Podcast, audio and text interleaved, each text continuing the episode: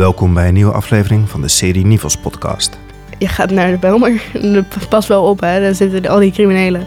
En eh, er is alleen maar ruzie en dan word je gepest. Het is gevaarlijk, vooral dat. Ook, ook ouders van kinderen die bij mij ingebracht zaten, waren ook van, durf je dat wel? Ik snap ook niet hoezo mensen nog denken dat het hier zoveel gebeurt, want juist echt totaal niet hier. Het is hier zo veilig eigenlijk. Ik ben Ricky van Blijswijk. Mijn naam is Janja Pubeek en samen met Ricky van Blijswijk bezoeken wij Open Schoolgemeenschap Bijlmer. Op de OSB zitten de eerste jaren VMBO, HAVO en VWO door elkaar. De leerlingen krijgen niet alleen kennisvakken, maar ook levenslessen. De OSB ziet de school als een minimaatschappij waar je leert van jezelf en van elkaar. Als mensen op school een misdaad begaan, dat ook echt wettelijk niet mag, dan ehm, hebben zij de kans om naar de jongerenrechtbank te gaan. Ja, het maakt een bijzondere school. Het is een school die ervan uitgaat dat, dat kinderen groeien. Dat het eigenlijk idioot is dat je leerlingen van 11, 12 jaar al in een bepaald hokje doet of uh, een, advies geeft. Uh, er zijn steeds minder brede schoolgemeenschappen, zeker in grote steden.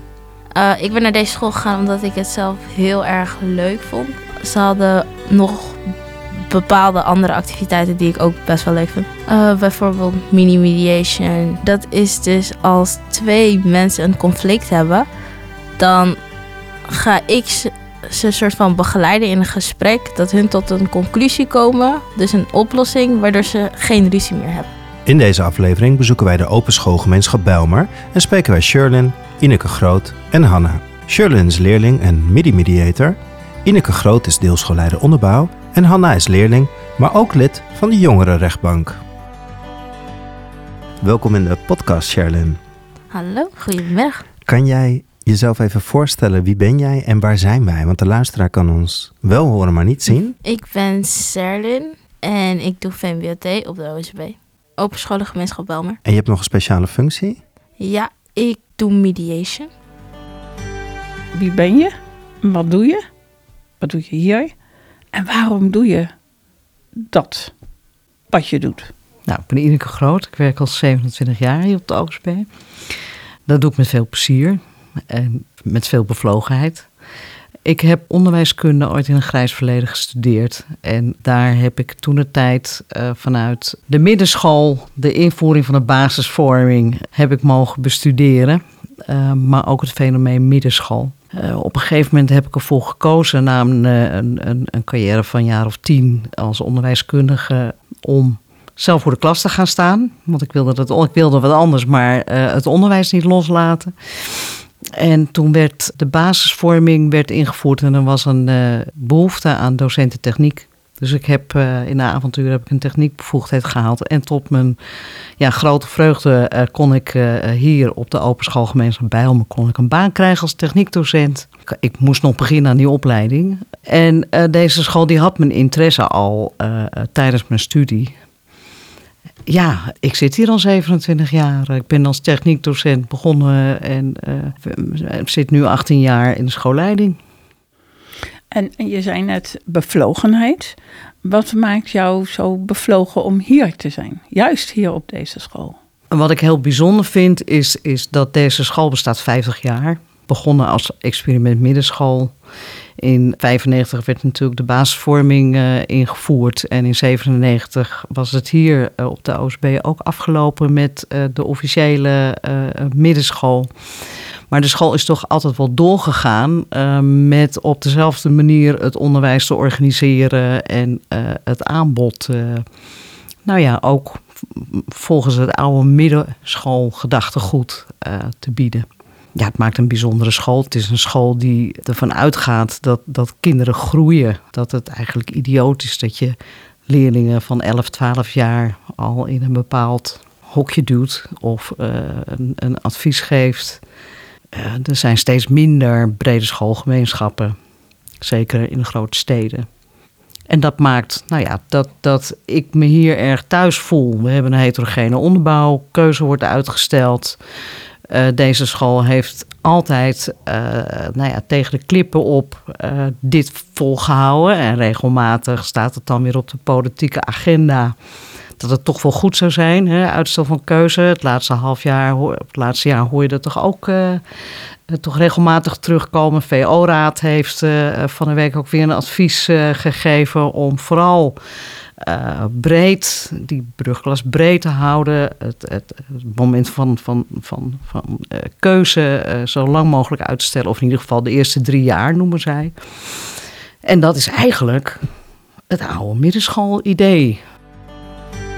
Kan jij vertellen wie je bent? Nou, ik ben, ik ben Hanna. Ik ben 16 jaar en ik zit al sinds de eerste, dus vijf jaar op de OSB. En ik zit nu in 5 VWO met een NT-profiel. Nou, ik heb het hier heel erg naar mijn zin. En kan jij even terug naar het begin dat jij begon aan deze school? Weet jij nog waarom je voor deze school gekozen hebt? Uh, ik woon in Zuid, dus dan zou je niet in eerste instantie denken: oh ja, ik ga naar de Bijlmer. Maar uh, mijn moeder heeft hier gewerkt, dus op die manier kende ik de OSB al. Ik ging naar de open dag en ik dacht: ja, de hele sfeer hier en uh, hoe docenten en leerlingen interactie hebben en alles is gewoon heel fijn. Ja, dus ik dacht: hier zou ik wel graag mijn zes jaar willen spenderen als daar. Nou is dit een podcast, dus de mensen kunnen niet zien hoe de sfeer hier is. Maar zou jij de sfeer eens kunnen omschrijven in jouw woorden? Nou, wat ik merkte bij andere open dagen was dan... De leerlingen waren er en die, uh, nou, die probeerden wel hun school echt uh, te verkopen als het ware. Maar hier was een soort van gezelligheid. Dus de leerlingen liepen lekker rond. En tegelijk probeerden ze enthousiast te zijn en zo. Maar het was niet geforceerd, waardoor het heel fijn was. Alsof het echt leek dat de leerlingen ook echt plezier hadden hier. En niet, oh, we moeten leuk doen voor de open dag. En nu zit je al vijf jaar op deze school. Wat ja. is er nog van die sfeer en hoe, hoe werkt dat voor jou? Nou, nog steeds hetzelfde voor mijn idee. Uh, het is natuurlijk, we hebben een tijdje geen uh, school hier gehad, dus niet die sfeer door corona. Maar ook toen ik hier weer kwam, dan was het gelijk weer van, ja, het is echt leuk hier. Het is uh, fijn om hier rond te lopen en dat soort dingen. Ja. Kan jij dan vertellen wat die, wat die leraren doen? Dat die sfeer ook tussen de, de leerlingen en de leraren is? Wat doen ze? Nou, sowieso, docenten op de OSW zijn altijd enthousiast. Nou, tenminste, altijd is een groot woord. Iedereen heeft wel eens niet zijn dag, maar vrijwel altijd. En die proberen echt op hun eigen manier iedereen mee te krijgen in wat ze leren. Dat het niet zo is van, ja, ik moet deze stof kennen voor mijn examen. Maar dat ze echt zin krijgen om meer te weten over natuurkunde, bio, scheikunde, et cetera. Jij hebt besloten om, um, om hier uh, naar de Belmer scholengemeenschap te gaan. Hoe reageerden jouw klasgenoten? Heel intens zou ik zeggen. Ze waren echt van, uh, nou, je gaat naar de Belmer. Pas wel op, hè. Daar zitten al die criminelen. En uh, er is alleen maar ruzie en dan word je gepest. En uh, het is gevaarlijk, vooral dat. En ik was van, nee, het is gewoon, het is gewoon leuk. Ik heb er zin in. Maar ook, ook ouders van kinderen die bij mij ingebracht zaten, waren ook van, durf je dat wel? Dat ja. je dat doet, dat kan helemaal niet. Nee, ja, mijn, mijn, uh, van mijn familieleden hadden het ook. Ze waren van, hoe durf je dat wel? Maar ja. Dat is een beeldvorming, hè? Heel erg. En, en wat heb je hier feitelijk zien gebeuren? Hoe bedoel je? Nou, uh, ben je criminaliteit tegengekomen? Heb nee, je... totaal niet. Vertel. Ju juist, ze zeggen ook van, uh, veel mensen die denken dat je hier heel veel gepest wordt en zo. Maar juist omdat we al die dingen hier hebben van mini-mediation, jongerenrechtbank wordt dat zo goed opgepakt, waardoor je juist hier er echt niet bang voor hoeft te zijn. Ik snap ook niet hoezo mensen nog denken dat het hier zoveel gebeurt, want juist echt totaal niet hier. -hmm. Het is hier zo veilig eigenlijk. Ik zou zo heel graag van jou willen weten, waarom heb je deze school gekozen? Bij mij is het heel erg ingewikkeld gegaan. Uh, ik ben naar deze school gegaan omdat ik het zelf heel erg leuk vond. En ze hadden nog bepaalde andere activiteiten die ik ook best wel leuk vind. Dus daarom ben ik naar deze school gegaan. En die bepaalde andere activiteiten, welke waren dat? Uh, bijvoorbeeld mini-mediation en de orkest hier op school en zo. Dat Daar doe je ook aan mee aan het orkest? Ja, en theatergroep. En wat speel je? Viool. Oké, okay. dat deed je al toen je hier kwam? Ja, dat doe ik nu vijf jaar. Je, hangt heel erg aan het model van de middenschool. Wat, wat is jouw persoonlijke missie? Dat ieder, ieder kind eruit haalt wat erin zit. En, en dat wij daarbij mogen helpen. Uh, dat gaat om cognitieve ontwikkeling, maar dat gaat ook over allerlei andere talenten uh, die ze hebben. En dat er meer wegen naar Rome zijn. Uh, niet ieder kind weet waar, wat zijn talenten zijn als ze twaalf zijn. We, geloven ook in groei. Er zijn veel kinderen die eerst een VMBO en, en dan een HAVO. Uh, er zijn veel kinderen met een, met een uh, T-diploma, of sommige mensen noemen dat MAVO-diploma, die hier doorgroeien naar de HAVO. er zijn veel havisten die nog VWO doen. Er zijn de, de, de, de routes ja, die zijn niet flexibel, maar er, er is veel mogelijk. Wat wil je dat zo'n kind na vier jaar of na vijf jaar of na zes jaar, hoe wil je dat hij de school verlaat? Nou, als een mens wat zelfstandig de wereld aan kan, om het maar even plat te zeggen. We vinden het heel belangrijk dat leerlingen uh, zelfverantwoordelijkheid nemen, zelfvertrouwen krijgen, maar zelfstandig ook, ja, niet alleen een vervolgopleiding, maar gewoon ook zelfstandig het leven ingaan. Maar dat vinden we belangrijk. met die zin? voor je diploma? Nou, dat klinkt als, alsof als je een diploma haalt, dan begint het echte leven pas. Ik bedoel, die kinderen die hebben voor die tijd ook echt wel een leven. Want ze zijn heel creatief. Dat merk ik in alle opzichten. Sommigen hebben al op een veertien een klein bedrijfje. Dat ik denk, wow, hoe regel je dat? Doe je dat? Doen aan topsport, spelen bij, bij, bij dansgezelschappen. En dat is heel verrassend. Want datzelfde kind, dat kan soms in de les best... Uh, beetje dwars liggen. Of nou ja, ze spullen niet altijd bij zich hebben. Maar die, die heeft dan aan de andere kant wel het vermogen om zaken te organiseren en zo te plannen. Dat dat lukt. En dat vind ik belangrijke informatie. Dat zijn ook knoppen die je gebruiken kan op het moment dat je een preek houdt dat het wiskunde weer niet op orde is. Dat je wel weet, hé, hey, maar het lukt op andere fronten wel. En wat gaat er dan mis? Niet zozeer bij die leerling, maar bij ons vraag ik me dan altijd af. Uh, waarom krijgen we die goede knop dan niet aan? We zijn wij net in een les geweest. Ja. In een klas geweest. Hè, en we hebben een beetje door de, beetje door de school gelopen. En, en wat we zien, wat ik gezien heb, heel veel verschillende culturen bij elkaar. Ja, zeker. Heel erg. Um, en die leven met elkaar. Leven ze naast elkaar? Hoe, nee, hoe wordt jij dat helemaal in? geblend. Ik bedoel, ik deed in mijn eerste klas had ik volgens mij elf verschillende nationaliteiten. Mm -hmm, mm -hmm. Dat merk je niet. Ook als mensen mij vroegen van ja, we, wat is de nationaliteit van je vrienden uit je klas? Ik zou het eigenlijk niet weten. Dat, dat, dat merk je niet. Het is, uh... in, in, hoeverre, in hoeverre leren jullie van elkaar? Nou, sowieso. Uh, uh, ik heb wel veel geleerd van verschillende culturen van, ik bedoel, ik ben uh, geboren en getogen in Nederland. Mhm. En uh, ik heb geen godsdienst, uh, ik geloof niet in God of iets. Maar vrienden die ik had in de eerste en tweede en ook nu, die hebben dat wel. Die komen uit, hebben ouders uit andere landen of die, die gaan naar de kerk of iets.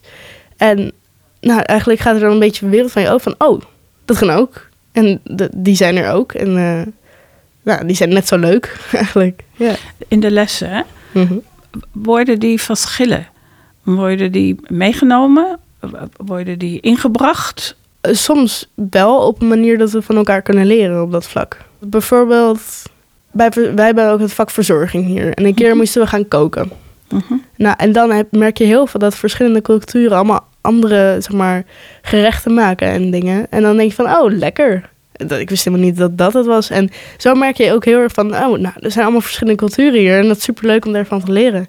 En dat te zien. Ja, zo kan je juist van elkaar leren. En dat probeert de school ook echt, dat we dat doen, van elkaar leren op dat vlak. Er gebeurt nog alles wat op de wereld. Mm -hmm. Komt die actualiteit ook hier naar binnen? Dat het als, als lesstof wordt ingebracht?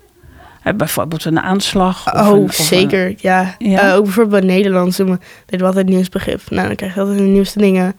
Uh, of als we bijvoorbeeld een tekst gaan lezen ergens bij Engels, Nederlands, Frans, maar niet uit. Uh, of als er een ramp ergens gebeurt, dan kan je weer meer op de beta-kant. Echt, als er iets gebeurt in de wereld, dan proberen de docenten altijd daarop aan te sluiten. Uh, hoe hoger Ja. de klas, hoe ouder de kinderen worden, wordt natuurlijk steeds meer gediscussieerd. Mhm. Maar als er dan zo gezegd wordt van, nou, wat docenten ook heel vaak doen, is van, ik heb gehoord dat dit is gebeurd, wat denk ik weer van. En dan gaan we gewoon met de hele klas gezamenlijk een gesprek hebben. Bijvoorbeeld? Bijvoorbeeld? Ja, toen met uh, de Voice, de Voice Oké. daar hebben we met de klas echt meerdere gesprekken in gehad. Gewoon met z'n allen, van wat denken wij uh, ervan. Ben je wel eens momenten tegengekomen dat je denkt, oeh, nou wordt het wel heftig? Dat mensen echt tegen elkaar ingaan, bedoel je? Ja. Uh, zelf niet meegemaakt. Maar ik weet wel dat het af en toe gebeurt. Maar dan heb je ook weer de docent die zegt... oh, even rustig jongens, het is, uh, we moeten niet gaan vechten hier. Kijk, mhm. sommige dingen moet je nou een beetje voor jezelf houden... maar dat is in het leven. Mhm. Maar uh, je mening geven mag altijd. Geldt dat ook voor... want het gaat nu over culturele verschillen. Je had het net over de GSA. Mhm. Geldt dat ook voor seksuele verschillen? Mag je ook homoseksueel zijn of transgender zijn? Of mag, ik zag paarse posters hangen van de GSA... Ehm, mag dat ook? Ja, ik ken uh, meerdere mensen die hier uh, openlijk gewoon uh, part zijn van de LGBTQ community. ja, ik weet niet precies hoe je het zegt. Ja, ja en Dat, dat kan ook. Die worden niet per se gepest omdat van, nou, jij bent gay, dat, dat kan niet. Hoe wordt dat samen gevormd met elkaar, jullie als leerlingen, maar ook met de leerkrachten, dat dat kan? Want dat is best uniek, toch? Ja, ik bedoel, er zijn altijd wel mensen die denken, oh, dat kan echt niet. Ik bedoel, dat heb je altijd, dat blijft in de wereld. Maar ook omdat we door de, met de GSA, ja, ik weet niet heel veel van de GSA, daar moet je me niet te veel vragen. Maar um, die doen bijvoorbeeld Paarse Vrijdag, daar besteden we heel veel aandacht aan. En altijd uh, gewoon zulke soort evenementen, waardoor bij ons duidelijk wordt gemaakt, hey, wij zijn er echt allemaal oké mee. Het mag hier gewoon. Uh, waardoor die mensen zich veilig voelen en andere mensen ook zo zijn van, ja, ik ga er echt niks over zeggen. Ik bedoel, dan ben ik weer die, diegene die er vervelend over doet. Terwijl, dat moet je ook gewoon niet doen. Iedereen mag zichzelf zijn. Hoe was dat voor jou, dat mensen zo daarop reageerden? Ben je zelf gaan twijfelen of juist helemaal niet? Ik ben nooit gaan twijfelen. Want ik dacht gewoon van, nou ja, oké. ik, ik weet dat die uh, stereotypes er zijn hier van de Belmer. Ehm, maar ik ben er niet mee eens. En uh, ik wil gewoon naar deze school uh, en ik voel me hier ook veilig. Dus ik heb dat idee helemaal niet van, ah, eng. In hoeverre speelt die culturele diversiteit een rol in, in de school? Ken je de leerlingen? Voor een deel kennen we de leerlingen, maar ik moet wel eerlijkheidshalve zeggen dat ik vind dat ons team nog steeds veel te wit is. Daar besteden we wel steeds meer aandacht aan. Want op het moment dat je pretendeert dat je je leerlingen kent, kijk je daar toch altijd met een witte blik naar. En ben je beperkt in nou, het vermogen om leerlingen echt te, begrijpen. Dus daar besteden we wel veel aandacht aan. En op het moment dat je een leerling echt wil begrijpen, moet je dat soort gesprekken aangaan met elkaar. Hoe doe je dat? Kan je vertellen hoe je dat verzorgt in je team?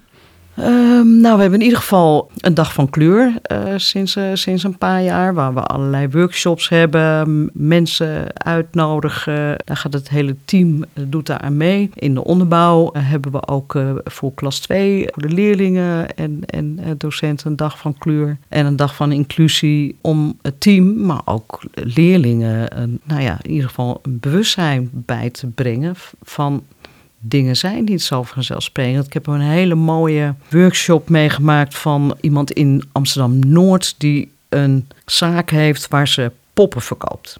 Ik geloof dat ze Ellen Burnett heet, maar dat weet ik niet helemaal zeker. En die poppen, dat zijn poppen van kleur, dat zijn poppen met het Down-syndroom, uh, dat zijn poppen met nou, allerlei soorten poppen. Niet de doorsnijpop die je uh, normaal gesproken in een speelgoedwinkel koopt. En daar is heel veel vraag naar. En die heeft, is gekomen. En ik, ik was bij, bij een tweede klas. Ik heb uh, deelgenomen aan het gesprek. Kinderen vinden dat razend interessant. En door middel van die poppen en het gesprek daarover te voeren, kwam er ook een begrip bij leerlingen van ja, ik snap het. Als je een Down-syndroom hebt, dan wil je ook een pop die herkenbaar is. Of als je een Surinaamse, Ghanese achtergrond hebt of een Hindoestaanse achtergrond, dan wil je als kind je herkennen in je pop. Dus waar zijn de Hindoestaanse poppen? Nou, dat waren geweldig leuke gesprekken en dat brengt ook een bewustzijn uh, in zo'n groep dat je dat, nou ja, dat leerlingen, dat je zelf ook, ook met andere ogen gaat kijken. En, leerlingen ook heel open waren. Op een gegeven moment werd er gevraagd van wie heeft er hier een beperking? En niet alle beperkingen zie je. En leerlingen die voelden zich zo veilig en zo. Het, het gesprek was ook zo vertrouwd dat, dat er heel veel gedeeld werd. En met dat delen komt een begrip. En nou, zo creëer je meer plekken, meer fronten, dialoog, begrip. Nou zit jij in 5 VWO. Ik zat net uh, met Ricky zaten in een klas en ik zat naast een jongetje en ik vroeg hoe is dat met al die niveaus door elkaar heen. Mm -hmm. Ja, is heel fijn, want als ik het niet weet, dan vraag ik het aan een VWO'er. Ja. En toen vroeg ik andersom, wat, wat, wat leert een VWO'er weer van jou? Ik ben wel benieuwd, hoe heb jij dat, want je zit nu in de vijfde, hoe heb jij al die niveaus door elkaar heen ervaren? En wat heeft het jou gebracht? Nou, uh, ik vond het sowieso heel fijn eigenlijk. Terwijl in eerste instantie denk je natuurlijk, huh, krijg je geen achterstand of iets. Maar ik heb wel het idee van VWO, HAVO en MBO-leerlingen, die denken gewoon heel anders. Ik denk dan meer in mijn hoofd en meer uh, praktisch van hoe, uh, hoe los ik dit op en zo. Terwijl iemand van, met VMBOT-advies bijvoorbeeld denkt daar heel anders over.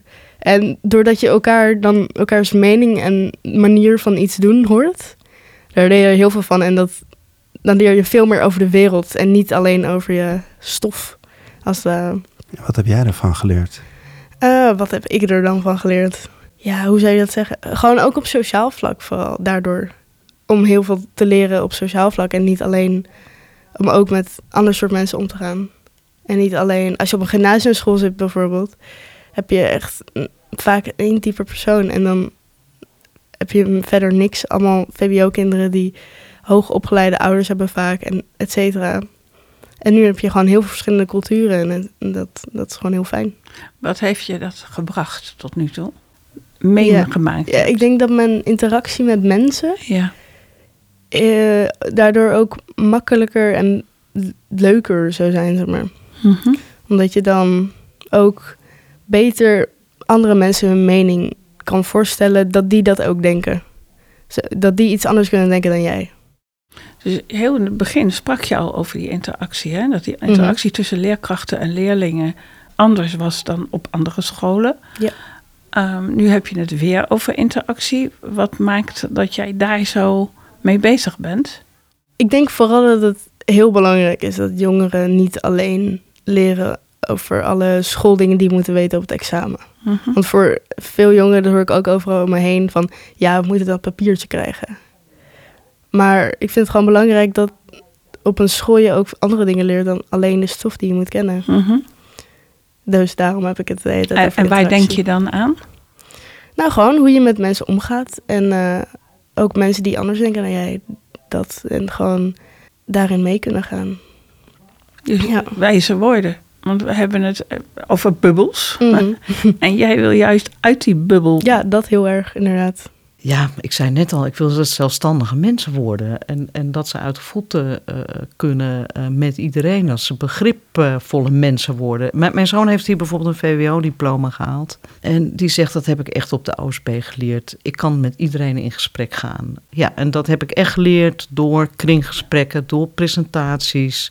Dat heeft hij, hij heeft wiskunde en informatica gestudeerd. Dat, dat is hem daar heel goed van pas gekomen. In zijn werk nu ook. Hij is niet in een gymnasium of VWO-bubbel opgegroeid. Hij heeft VMBO-vrienden. Dus die, die, die, segrega die segregatie waar we het vaak over hebben... qua witte en zwarte scholen... heb je ook nog op veel scholen dat VMBO'ers... VWO'ers nooit meer tegenkomen. Dat vinden wij belangrijk. Dat we een afspiegeling van de maatschappij zijn. Dat leerlingen uh, zo ook opgroeien. En nou, begripvolle mensen worden. Nou, we merken wel dat we minder leerlingen krijgen, omdat de scholen in de stad. Je breekt je nek over de gymnasia in de stad. Dat trekt heel erg. Dus we moeten als genoemde één Pieter, moeten we wel vechten dat we die heterogeniteit overeind kunnen houden. Want op het moment dat wij geen VWO-leerlingen of HAVO-VWO-leerlingen meer krijgen, dan is het evenwicht in die heterogene onderbouw zoek. Daar valt of staat eigenlijk ons concept, onze werkwijze ook mee. Zolang die instroom ook divers blijft, dan hebben we ook materiaal waar we mee kunnen werken. Maar op het moment dat we steeds minder uh, HAVO-VWO-leerlingen krijgen, en daar zijn we knetterhard voor aan het werk. Maar eigenlijk is dat, nou ja, zolang de school bestaat hoor, moet ik eerlijk zeggen, heeft dat onder druk gestaan. Omdat als mensen hier binnenkomen en zien wat we doen en horen van leerlingen wat er gebeurt, dan zijn ze zeer onder de indruk. Maar het is vanuit de stad ook niet het meest vanzelfsprekende om uh, naar een stadsdeel als de Bijlmer te fietsen. Je zegt net wat het allemaal brengt, hè? maar heb je buitenschool, beweeg je dan ook in een diverse... heb je nu ook vrienden in, in alle wijken van Amsterdam... en alle culturele achtergronden door elkaar heen en alle niveaus door elkaar heen? Door, ben je echt door die, die bubbel doorbroken, ook in je sociale contacten erbuiten? Nou, dat is wel lastig zou ik zeggen, want je moet natuurlijk wel die mensen tegenkomen. Dus bijvoorbeeld, ik, ik werk ook in een redelijk ehm, gemixte sfeer. Maar dus eigenlijk ligt het ook wel heel erg daaraan wie je tegenkomt. Maar omdat je hebt geleerd om ook met andere me soort mensen om te gaan, dan als je die mensen tegenkomt, dan ga je niet denken van, oh ja, nee, goed, die, met die ga ik niet om, want ik snap niet hoe die denken. Maar doordat als je die dan wel zou tegenkomen, zou ik nu gewoon, oké, dit is interessant. Ik wil hier met deze persoon meer, uh, meer omgaan en zo. dus op dat vlak wel. Dus ook in het werk wat je buitenschool doet, helpt het je om, om elkaar beter ja, te begrijpen en die heb interactie ik wel. weer ja. in te zetten. Ja. Want naast dat je hier leerling bent, heb je nog een, een aantal andere taken, Ja, rollen. Op de OSB heb je ongelooflijk veel dingen die je kan doen. Noem eens. Nou, eh, ik ben ook een mini-mediator. Mhm. Ik zit bij de jongerenrechtbank. Je kan natuurlijk klasvertegenwoordiger zijn. Er is een GSA. En ga zo maar door. Het is echt extreem veel wat je hier kan doen. Oké. En dus dat is ook een ding. Als je die gemengde klasse hebt. Mensen zijn dan bang dat eh, bijvoorbeeld VWO-leerlingen eh, verveeld zijn. Maar omdat er zoveel dingen zijn, kan je gewoon al die tijd kan je invullen met eh jongerenrechtbank, mini-mediation, al dat soort dingen. Waardoor je niet verveeld raakt of iets. En veel leert. Zeker veel leert, ja. Hey, en dan zeg ik, hoor ik jou zeggen mini-mediator. Ja. Vertel eens. Nou, dat is dus als twee mensen een conflict hebben, dan ga ik ze, ze soort van begeleiden in een gesprek dat hun tot een conclusie komen, dus een oplossing, Mhm. waardoor ze geen ruzie meer hebben. Zo. Wat trok jij daar zo aan? Want een van de dingen waarom je hier op school wilde komen, was die mediation. Ja, dat klopt. Nou, je, eigenlijk word je er eerst acht tot negen weken voor opgeleid. Mhm. En dan, dat gaat door een boekje. En daar leer je het meeste LSD. Dat is luisteren, samenvat, samenvatten, doorvragen. Dat leer je het meest. Ja, dat eigenlijk. En waarom vind je dat zo leuk om te doen? Nou, ik vind het gewoon heel mooi als, om gewoon om te zien dat de mensen die een conflict hebben, Mhm. dat jij gewoon ziet hoe ze tot een conclusie, dus een oplossing komen. Dat vind ik gewoon heel mooi om te zien. Kun je een voorbeeld geven? Ehm, een keertje had ik een mediation met twee kinderen. Ze zaten echt het hele jaar, nou nog nou, ja, half jaar, eh, een beetje op elkaars huid en zo. En ze deden een beetje vervelend.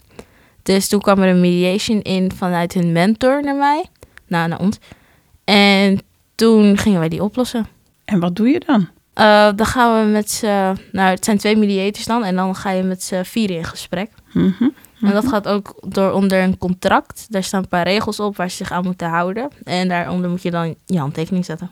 Alle, alle vier. Ja, alle vier. En dan komen ze bij je en jij weet helemaal niet wat er aan de hand is. Nou, dan vraag je eerst eh, wie wil beginnen. En dan Mhm. gaat die ene beginnen met zijn verhaal. En als die ander en als die klaar is, gaat de ander beginnen met zijn verhaal. En dan moet je ze dus samenvatten van dit, dit, dit, dit gebeurt. En dan vraag je is klopt dat? En als hij zegt klopt, dan gaat hij verder met het verhaal. Maar hoe lang duurt zo'n mediation? Ligt eraan. Sommige zijn langer en sommige zijn korter. Ligt Ja. eraan ook wat het probleem is. Dat snap ik. Kleine probleempjes zijn heel snel opgelost. Dat klopt. Ja, maar soms is het een uurtje en soms is het een week. Moet ik me zoiets bij voorstellen? Nee, het is ehm, één afspraak eerst. Dus Mhm. één lesuur dan. Als het is opgelost en als ze een conclusie hebben getrokken, dan een week daarna ergens, dan is er nog een afspraak. Dat is een vervolgafspraak. En dan ga je kijken of het is gelukt, de oplossing. En als het niet is gelukt, dan ga je nog een mediation doen. Ga nog een keer met z'n allen in gesprek. Nu de jongerenrechtbank. eh leerling. Ja, jongeren. Jongerenrechtbank. Wat maakt dat jij daar naartoe gegaan bent? Dat je dat daarvoor gekozen hebt? Nee, ik hoorde erover en ehm, nou, dus het is een beetje van eh, als mensen op school een misdaad begaan, dat ook echt wettelijk niet mag, dan ehm, hebben zij de kans om naar de jongerenrechtbank te gaan. Even, wat wettelijk niet mag. Wat wettelijk niet mag. Geef eens een paar voorbeelden. Ehm, vuurwerk afsteken, wanneer het niet mag. Hoe heet het? Eh, destruction, hoe zeg je dat in het Nederlands? Vernielen. Vernielen, dankjewel. Vernieling van eh, dingen van de school of buitenschool. Stelen is ook wel af en toe. Als er in een appie hier dichtbij of zo gestolen wordt, kan dat ook Mhm. nog naar de Mhm. jongerenrechtbank.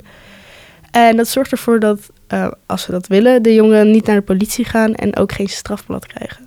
Maar wel op de juiste manier een, als het ware, gestraft wordt. Wij noemen dat dan herstel. Oké, ja. oké, maar gaat het over dat soort vergrijpen. Ja. En hoe komt dat bij jullie? Eh, nou, we hebben een aantal mensen die de jongerenrechtbank die erin zitten begeleiden. Mhm. En die krijgen zo'n zaak binnen. En dan wordt er gevraagd van, hey, we willen... Want we hebben heel veel mensen die in de jongerenrechtbank zitten. 10, 15, Eh, 100? mm, in de twintig. Mhm. Want dus volgens mij doen er dan mensen, zeven mensen mee aan een zaak. Zeven mensen van de jongerenrechtbank. Ja, en dan zeggen mensen van, nou, ik, ik wil meedoen aan die zaak. Ja, graag. En dan gaan we die zaak dan doen. En dan worden de rollen, want ehm, je hebt dus verschillende rollen, net als in een echte rechtszaak. Mhm. Maar niemand in de jongerenrechtbank heeft een vaste rol. Dus niet van dat zijn rechters, dat zijn de advocaten. Per zaak kijken we altijd van, nou, wat, eh, wie wil wat zijn, als het ware. En dan eh, le- lezen we in voor on- van de, wat er gebeurd is. En een beetje voorbereiden. En vervolgens gaan we gewoon een echte zaak doen. Net als dat die gebeurt in de, in de rechtszaak. Nou zeg je, we lezen in. Iemand heeft dus iets opgeschreven. Ja, klopt. Meestal Ja, onze begeleiders die schrijven even uit van wat is er gebeurd. Mhm. Eh, en de feiten gewoon van. En deze heeft dit gezegd en deze heeft dit gezegd. Maar ehm, bijvoorbeeld voor de advocaten, die gaan dan ook even praten met degene waar het om gaat. Dus die krijgen ook meer informatie. Maar ja, dus het inlezen is vooral gewoon de feitelijke. eh, wat is er gebeurd. Die positie van diegene die voor de rechtbank moet verschijnen. he- Heb je daar een soort geheimhouding bij? Want Heel erg. hij is nog niet schuldig. Nee, klopt. Eh, hou je het anoniem? Ja, nou ja, wat ik bedoel is, iemand heeft iets, ik zeg maar wat, Ja, ja. even gestolen bij de appie. Jullie krijgen een tekst. Iemand heeft dat gedaan. Mhm. Is helder wie dat, wie, wie Ja. dat, wie dan eh, eh, bij, voor jullie moet verschijnen. En als je dat weet, eh, dan neem ik aan dat je dat nog niet in de hele school Ja. aankondigt. Nee, nee, nee. Het ding is dat als iemand bij ons komt, Mhm. wij, wij weten wel wie die persoon is, want die zien we ook. En die heeft ook al bekend dat, er, dat het is gebeurd. Oké. Dus wij weten al, oké, die personen zijn erin betrokken, die, kan, die gaan wij zien. Oké. Eh, maar wij hebben sowieso een geheimhoudingsplicht, dus de, de school mag niks weten Nee. van die persoon heeft dat gedaan. Is dat moeilijk? Want je Dat komt geheim elkaar, houden? Ja, want je komt elkaar natuurlijk ook op de gang tegen. Nou, het is lastig, maar ik heb nooit echt de, de van ja, ik wil vertellen dat die persoon dat heeft gedaan. Want meestal zijn het ook mensen die je niet kent. Eigenlijk altijd. Je mag geen zaak doen voor iemand die je kent. Dus ja, dan is het gewoon, ja, iemand heeft vuurwerk afgestoken. Hm, nou ja, weet je, prima. Dat gebeurt vaak. Dus dan is het ook van, ja, het is niet heel interessant om door te vertellen. Behalve als het heel bijzonder is, maar dan denk je ook van, oké, nee, gewoon niet doen. Het is iemands privacy, dat wil je niet schenden. Nee. Nee, precies. Eh, Dat gebeurt overigens in de buitenwereld nog steeds vaker. En daarom vraag ik het Ja. nu even. Mensen zijn al schuldig verklaard voordat ze weten. Mhm, Maar ehm, wat je net zei is, we gaan ons inlezen. mhm. En daarna gaan we even kort met elkaar nadenken. Ja, klopt. Bedenken wat krijgen altijd, dus we weten dan eenmaal waar de zaak over gaat, Mhm. in grote lijnen. En dan krijgen de advocaten tijd om met hun cliënten te praten, als het ware. En, eh, en de anderen die gaan, bijvoorbeeld de rechters, we hebben altijd drie rechters, die gaan met elkaar kijken van oké, wat willen we weten? Wat voor onduidelijkheden zijn er in wat er is gebeurd, et cetera, et cetera.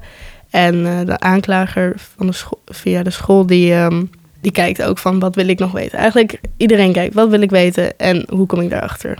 Dat vooral, zodat we een beetje voorbereid zijn voor we die zaak gaan doen. En dan komt het. Dan komt die rechtbank bij elkaar. Dat gebeurt ergens hier op ja, school. meestal een lokaal wat een beetje afgesloten is. Oké, en eh, alle procedures worden dan gevolgd. Mhm. Iedereen weet wat zijn rol is. Hoe weet je dat eigenlijk? Nou, we hebben een draaiboek. Mhm. Dus dat is gewoon, we hebben een boekje gekregen aan het begin van onze training. En daarin staat precies per stap hoe het meestal gaat. Daar kan je natuurlijk van af, een beetje van afwijken, dat is nooit erg. Maar eh, daardoor wordt het ook heel makkelijk eigenlijk om gewoon er doorheen te gaan, stap voor stap. En eh, heel overzichtelijk. Gebeurt dat dan ook, dat je dat helemaal zo doet? Gaat ja, eh, zeker. degene die dan voor de rechtbank staat daar ook gewoon in mee, zeg maar? Nou ja, kijk, er is altijd een hoofdrechter die heeft dat, eh, dat draaiboek voor zich liggen. En die denkt van, oké, nu moet dit gebeuren. Nou, en die doet dat dan. En uh, omdat het gewoon heel overzichtelijk is en heel netjes per ding gaat, dan is het juist ook voor degene die er zit heel fijn van oké, nu gebeurt dit en nu gebeurt dit. Uh, ja, op die manier. Maar er is nog een argument hè, om mee te doen, want het is of dit, of er komt een... Um, ja, of politie. Precies, ja. en er komt een strafblad. Ja. Daarom is het, de, raden wij altijd heel erg aan van ja, kom gewoon naar ons. Mhm. Want we moeten altijd toestemming van de ouders en van de kinderen hebben. Vooral van de ouders. Want het is gewoon echt op zoveel vlakken zoveel handiger om, als je nog zo jong bent, het via de jongerenrechtbank op te lossen. En niet via de politie. En, en je zegt die ouders, hè, de ouders worden erbij betrokken, mm op heel snel al hebben die ouders contact met jullie? Of hebben die ouders contact met de mentor of met de mm. directie? Nou, dan met de begeleiders die wij hebben. Een beetje van uh, wat gaat er gebeuren, wanneer is het, dat soort dingen. Mhm. En die mogen er ook bij zitten, de ouders. Oké. Dus die mogen de hele zaak volgen als ze dat willen. Wat vindt de politie ervan? Uh, nou, we zijn bij onze training zijn we langs het politiebureau gegaan en die zijn lijnd enthousiast. Waarom? Die zijn zo blij dat wij hun helpen en uh, ook de jongeren helpen. Dat is namelijk wat zij ook willen. En ja, we hebben een heel goede samenwerking met hen. Ze zeggen niet van ja, maar iemand heeft toch iets strafbaars gedaan, dus dat is eigenlijk aan ons. Er zijn vast mensen die dat denken, dat is altijd. Maar het, het gros van de uh, politie die is er heel enthousiast over. In ieder geval de mensen die wij hebben gesproken en gezien. En kan je uitleggen waarom zij enthousiast zijn? Nou, de jongerenrechtbank heeft namelijk heel veel voordelen. Het is, um, je hebt geen strafblad natuurlijk. Voor zo'n jonge leeftijd, soms doen we nou iemand domme dingen. Zo gaat dat. Daarnaast hebben wij natuurlijk ook meer uh, het denkproces en denkniveau van de mensen die wij zien. Waardoor we meer eh, kunnen denken van oké, hoe gaat het nu in diegene's leven? Terwijl voor een politieagent of zo, die zijn gewoon wat ouder. En dat is meestal lastig om dan te denken, hoe uh, voelen de jongeren zich hierbij? En ik denk dat zij dan ook, de politie denkt, oké, ja, dit is veel beter als het zo gebeurt. Omdat zij gewoon, omdat de jongerenbank een betere uitslag kan geven als het Ja, ja. Want, want hoe eindigt zo'n zaak dan? Want iemand heeft al iets gedaan, dat is Mhm. al duidelijk. Jullie gaan het behandelen, de ouders zijn betrokken, die zijn erbij. En dan moet er ook een uitspraak komen. Ja, klopt. Um, nou, de jongerenrechtbank is sowieso herstelgericht. Dus het is niet, oké, okay, uh, jij krijgt nu een straf en daardoor ga je het niet doen. Wij willen echt zorgen van, oké, dit is gebeurd. Hoe kunnen we zorgen dat dat uh, nou ja, hersteld wordt als het ware? Dus meer van, laten we zeggen, iemand heeft foto's uh, verspreid van iemand. Wat niet uh, mag ook via de wet. En dan in plaats van zeggen, ja, jij moet nu uh, 15 uur nablijven, doe ik heel vaak een excuusbrief of excuses aanbieden. Of, en natuurlijk ook voor de school iets doen wel. En dat kan je dan wel zien als straf. Maar je moet ook bedenken dat de school ook geschaad is met vertrouwen wat mensen hier hebben. Dus ja, we, we zetten dan een herstel op wat diegene moet gaan doen. En vertellen dat ook. En dat wordt ook gecheckt door mentoren en deelscholleiders, et cetera. Of dat gedaan wordt. Dan geven heel duidelijk een datum aan van dan moet het gedaan zijn. Ja. En hoe komen jullie tot je, tot je uitspraak? Dus even het voorbeeld wat je hebt hè, met uh, foto's. Mm -hmm. Als dat pikante foto's zijn, dan is dat sowieso uh, heel, ja. heel vervelend. Ook Mhm. mm -hmm. voor het slachtoffer. Daar komt dus een, een, een herstel bij. Ja. Hoe komen jullie tot dat oordeel met elkaar? Nou, als ik nu zo heel snel ga denken, als ik bijvoorbeeld de rechter zou zijn of de uh, aanklager, dan zou ik zeggen, nou, als er stel voor stel, wat we dan als eerst altijd geven. En daarna gaan we een beetje kijken wat er precies gebeurt. Zou ik zeggen, sowieso excuses aanbieden, foto's verwijderen. En dan ook nog iets voor de school bijvoorbeeld doen of een presentatie geven over iets van waarom het niet kan. Waarom het echt een no-go is dat je mensen hun uh, privacy op die manier schendt en dat gaat verspreiden. Dus dat bijvoorbeeld. Uh, meestal is de advocaat natuurlijk, die wil dat een beetje verlichten of meer op de goede manier dat beter bij de cliënt past, uh, aanpassen. Bijvoorbeeld, wat we bijna nooit doen is geld of zo. Want ja, het zijn kinderen en die hebben vaak niet uh, heel veel geld op zak. Als, je, als je zegt zo'n, voor, in dit voorbeeld, zo'n Mhm. presentatie geven, Ja. aan wie? Nou, dat doen we heel vaak. Dat doen we best vaak. We doen een presentatie geven en dan doen we meestal aan de mentorklas. Oké. Dus dan uh, krijgen ze bijvoorbeeld een week om een presentatie voor te bereiden. Mhm, En dan mhm. gaan ze aan de mentor. Dat is meer omdat zij ook het besef krijgen van... Oké, wat heb ik precies gedaan? Hoe reageren ze op zo'n straf? Ja, dat vind ik altijd lastig. Want wij hebben daarna ook geen contact meer met die personen. En uh, om nou af te lezen aan hun gezicht van... Nou, wat vinden ze ervan? Zijn sowieso niet blij dat ze iets moeten doen. Maar uh, ik hoop en ik denk dat ze sowieso blijer zijn met het wat ze moeten gaan doen van de jongerenrechtbank... dan dat ze zouden moeten gaan doen van de politie. Ben je nou zelf ook heel goed in het oplossen van je eigen problemen? Of is het bij een ander makkelijker? Bij mezelf vind ik het makkelijker. Ja? Waarom? Omdat ik dan ook weet, net als bijvoorbeeld, ik heb een soort van klein ruzietje of zo met mijn vrienden. maar ik weet dan hoe zij zijn en hoe zij ongeveer kunnen reageren. Dus dan is het voor mij wat makkelijker om met hen te praten. Heb je dat ook geleerd van die mediation? Ja. Ja, wat is het belangrijkste wat je geleerd hebt? De vragen stellen en samenvatten. Hoe je het goed samenvat. Want soms praat ze echt heel lang door. En dan ondertussen moet je dat ook nog even goed onthouden, elk stukje. Dus dan zou je ook kunnen zeggen, heel stop eventjes, want ik moet het dus eventjes samenvatten. Dus als ik het goed begrijp, dat dat, dat is gebeurd. En dan? Want dan moet er eigenlijk een conclusie komen of een voorstel of hoe, hoe rond je af? Nou, dan stel je de vraag, wat zou een oplossing kunnen zijn? Mhm, zou je mhm. kunnen vragen. En dan komt die met een oplossing en die. En als er twee verschillende zijn, zou je eventueel ook combineren. En als ze het niet goed vinden, gaan ze verder denken met wat, even, wat een oplossing zou kunnen zijn. Ja, als, dat, als het een goede oplossing voor hun is, dan laat je ze los voor een week en kijk, ze, kijk je bij, mhm. bij de vervolgafspraak hoe het is gegaan. Zijn er nou wel eens momenten geweest dat je dacht: dit vraagt meer tijd? Dit is een groter probleem dan een gesprek en samenvatten en een conclusie. Ik zelf nog niet, maar ook mediation is ook van als er is aangeraakt, dan mogen wij dat niet meer, dan mogen wij dat niet meer doen. En wat gebeurt er dan? Uh, dat zou het uh, door de mentor kunnen oplossen. Mhm. En als het echt heel groot uit de hand is gelopen, dan door de jongerenrechtbank. Oké. Wat, wat vind je ervan dat de school dit doet?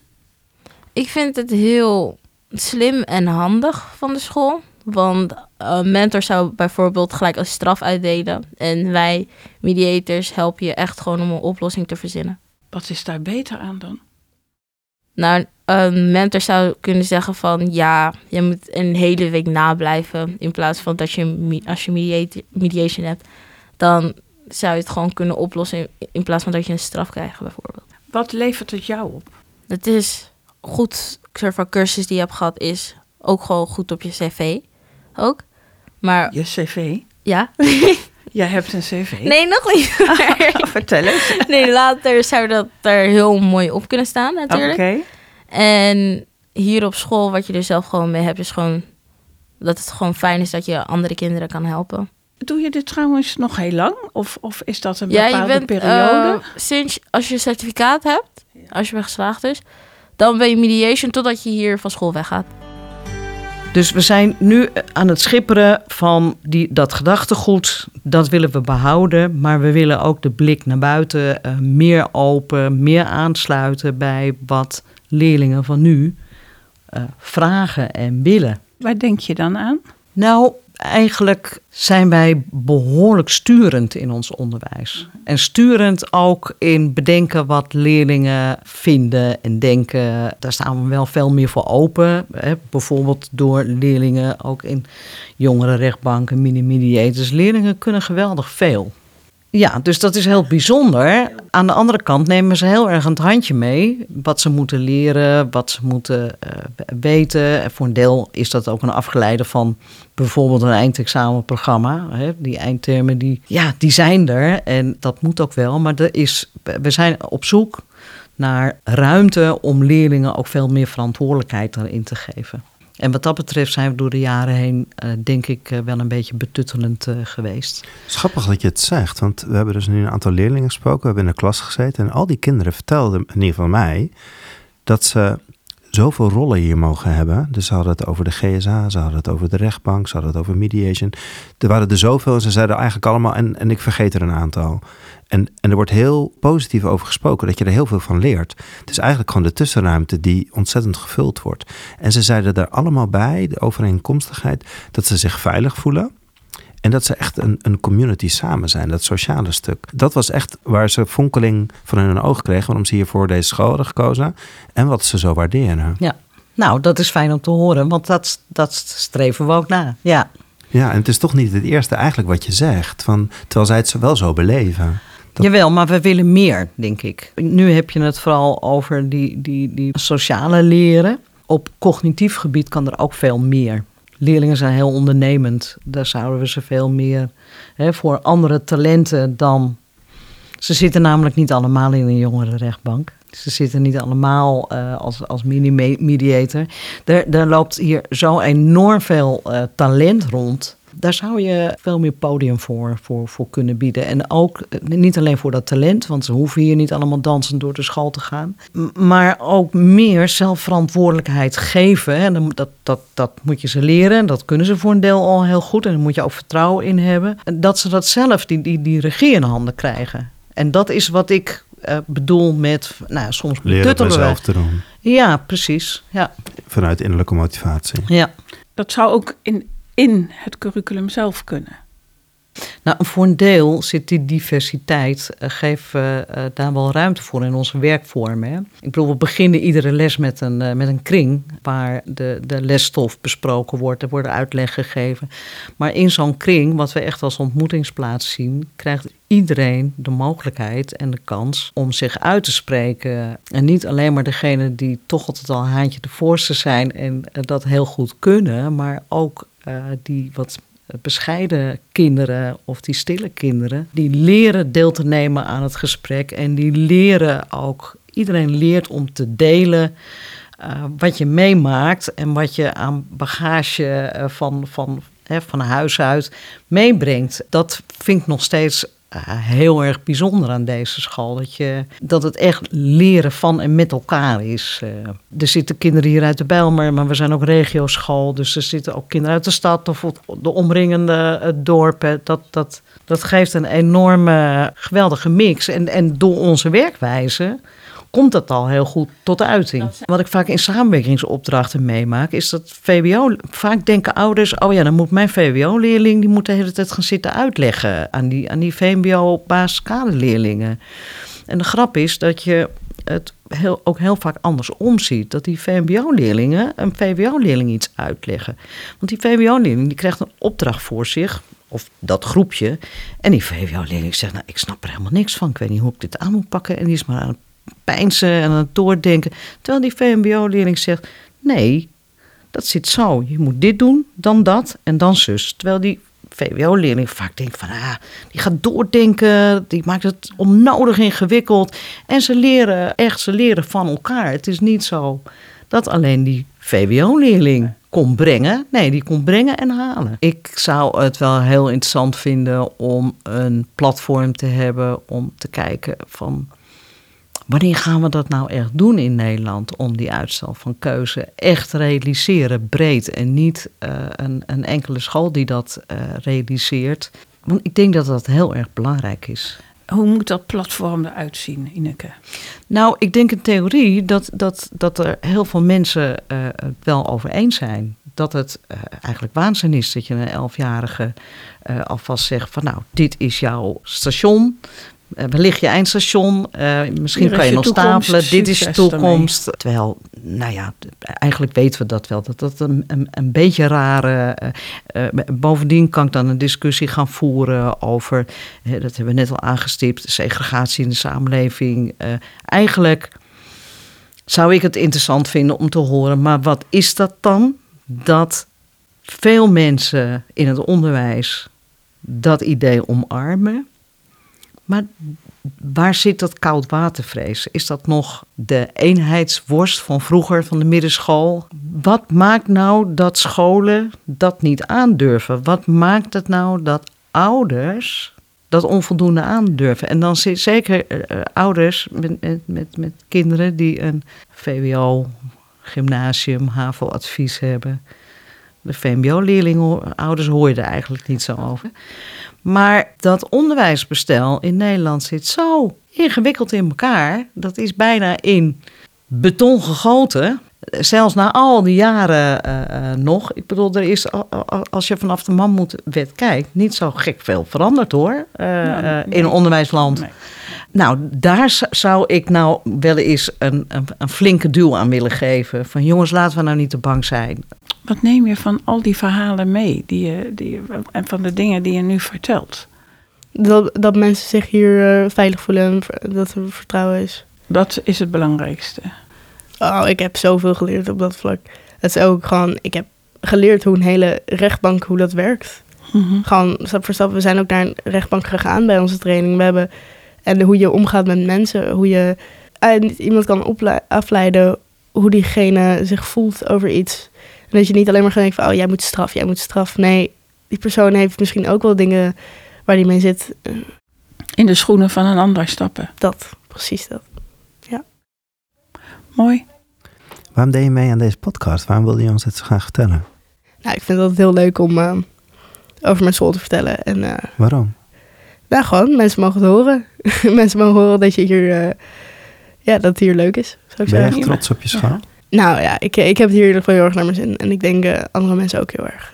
En dan als laatste, wat is denk je de trucendoos? Hoe komt het dat deze school iedereen laat zijn wie ze zijn? Wat, wat denk je als nou, de luisteren leerkrachten, kan je even nadenken. Er luisteren vast leerkrachten van scholen die, ja. die dat niet zijn, mm -hmm. maar dat misschien wel, wel zouden willen. Meer diversiteit in culturele achtergronden, seksualiteit, eigenlijk wat jij zegt. Ja. Heel veel scholen zouden dat wel willen. Wat is de trucendoos? Wat, is, wat zouden ze moeten doen? Wat is, wat ja, ik denk dat het heel gecompliceerd is. Maar als je gewoon vanaf nu begint uh, duidelijk te maken aan iedereen in de school. En ook reclame maakt van dat het hier oké okay is om te zijn wie je bent.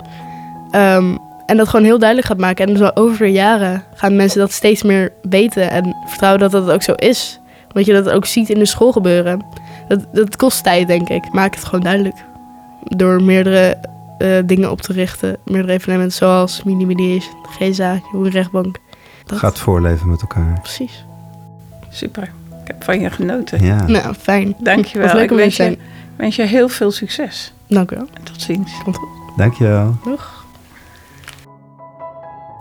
Deze podcast is er eentje uit de Nivels podcastserie. Stichting Nivels sterkt leraren en schoolleiders bij de uitvoering van hun pedagogische opdracht. Het Nivels opereert langs vier pijlers. De Nivelsopleidingen, het Nivels Podium, het online platform Het Kind en de Nivels Denktank. Like deze podcast of geef een aantal sterretjes mee, zodat meer mensen deze podcast makkelijker kunnen vinden. Meer podcasts zijn ook te vinden op www.nivels.nl/podcast. Hoe dan ook, we nodigen u graag uit voor een volgend gesprek in deze serie.